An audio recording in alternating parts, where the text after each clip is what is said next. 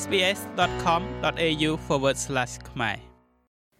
មានការព្រួយបារម្ភថាការធ្វើតេស្តអង្គទីហ្សែនរហ័សឬហៅថា RAT មិនបានត្រឹមត្រូវកំពុងតែបណ្ដាលឲ្យអត្រានៃការឆ្លង COVID-19 ពិតប្រាកដនៅក្នុងសហគមន៍ខ្ពស់ជាងអ្វីដែលបានរាយការណ៍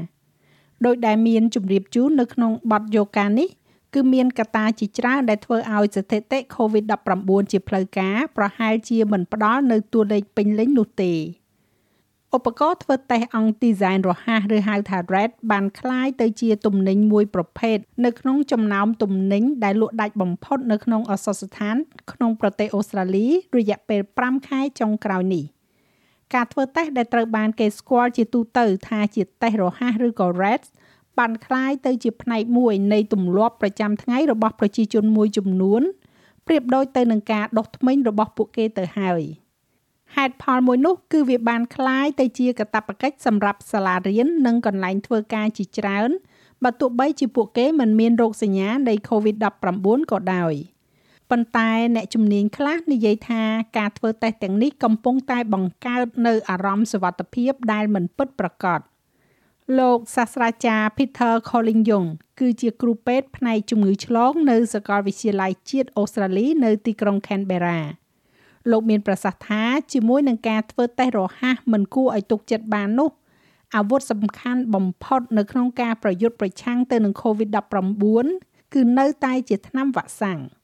We've got an over reliance and we sort of overestimate យើងមានការពឹងផ្អែកខ្លាំងពេកហើយយើងវាយតម្លៃភាពត្រឹមត្រូវរបស់វាខ្ពស់ជ្រុលប្រសិនបើអ្នកមិនមានរោគសញ្ញាណាមួយទេ វាប្រហែលជាត្រឹមត្រូវតែ50%នៃករណីឆ្លងប៉ុណ្ណោះ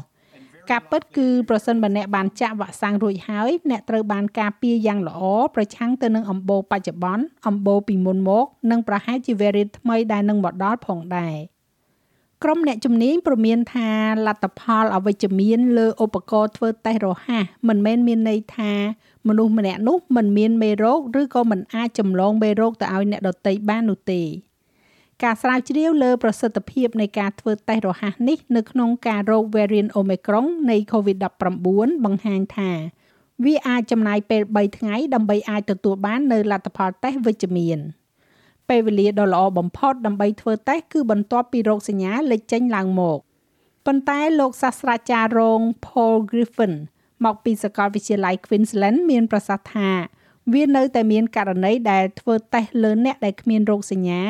ដោយដែលបានអនុវត្តនៅក្នុងសាលារៀននិងកន្លែងធ្វើការជាច្រើននៅទូទាំងប្រទេស We know their sensitivity is below that យើងដឹងថាអនុភាពរបស់វាគឺទាបជាង PCR ដូច្នេះវាអាចចាប់មិនបានសូម្បីតែអ្នកដែលបានឆ្លង COVID ហើយក៏ដោយ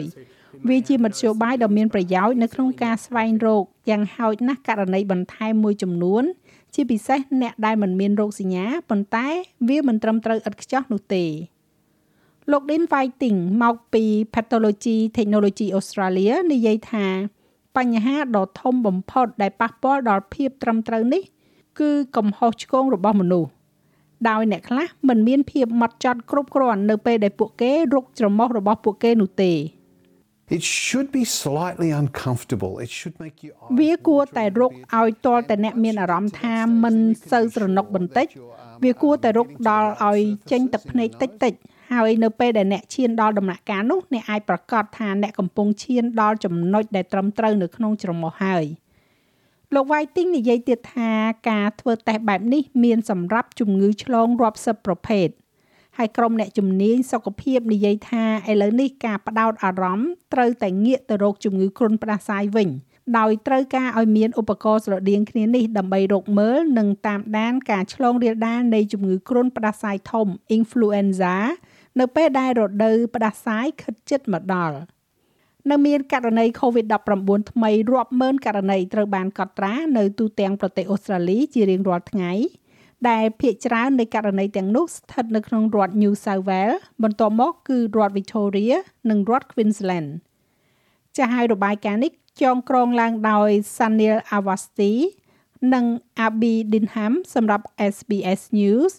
ហើយប្រែសម្រួលសម្រាប់ការផ្សាយរបស់ SBS ខ្មែរដោយនាងខ្ញុំហៃសុផារ៉ានីចុច like share comment និង follow SBS ខ្មែរនៅលើ Facebook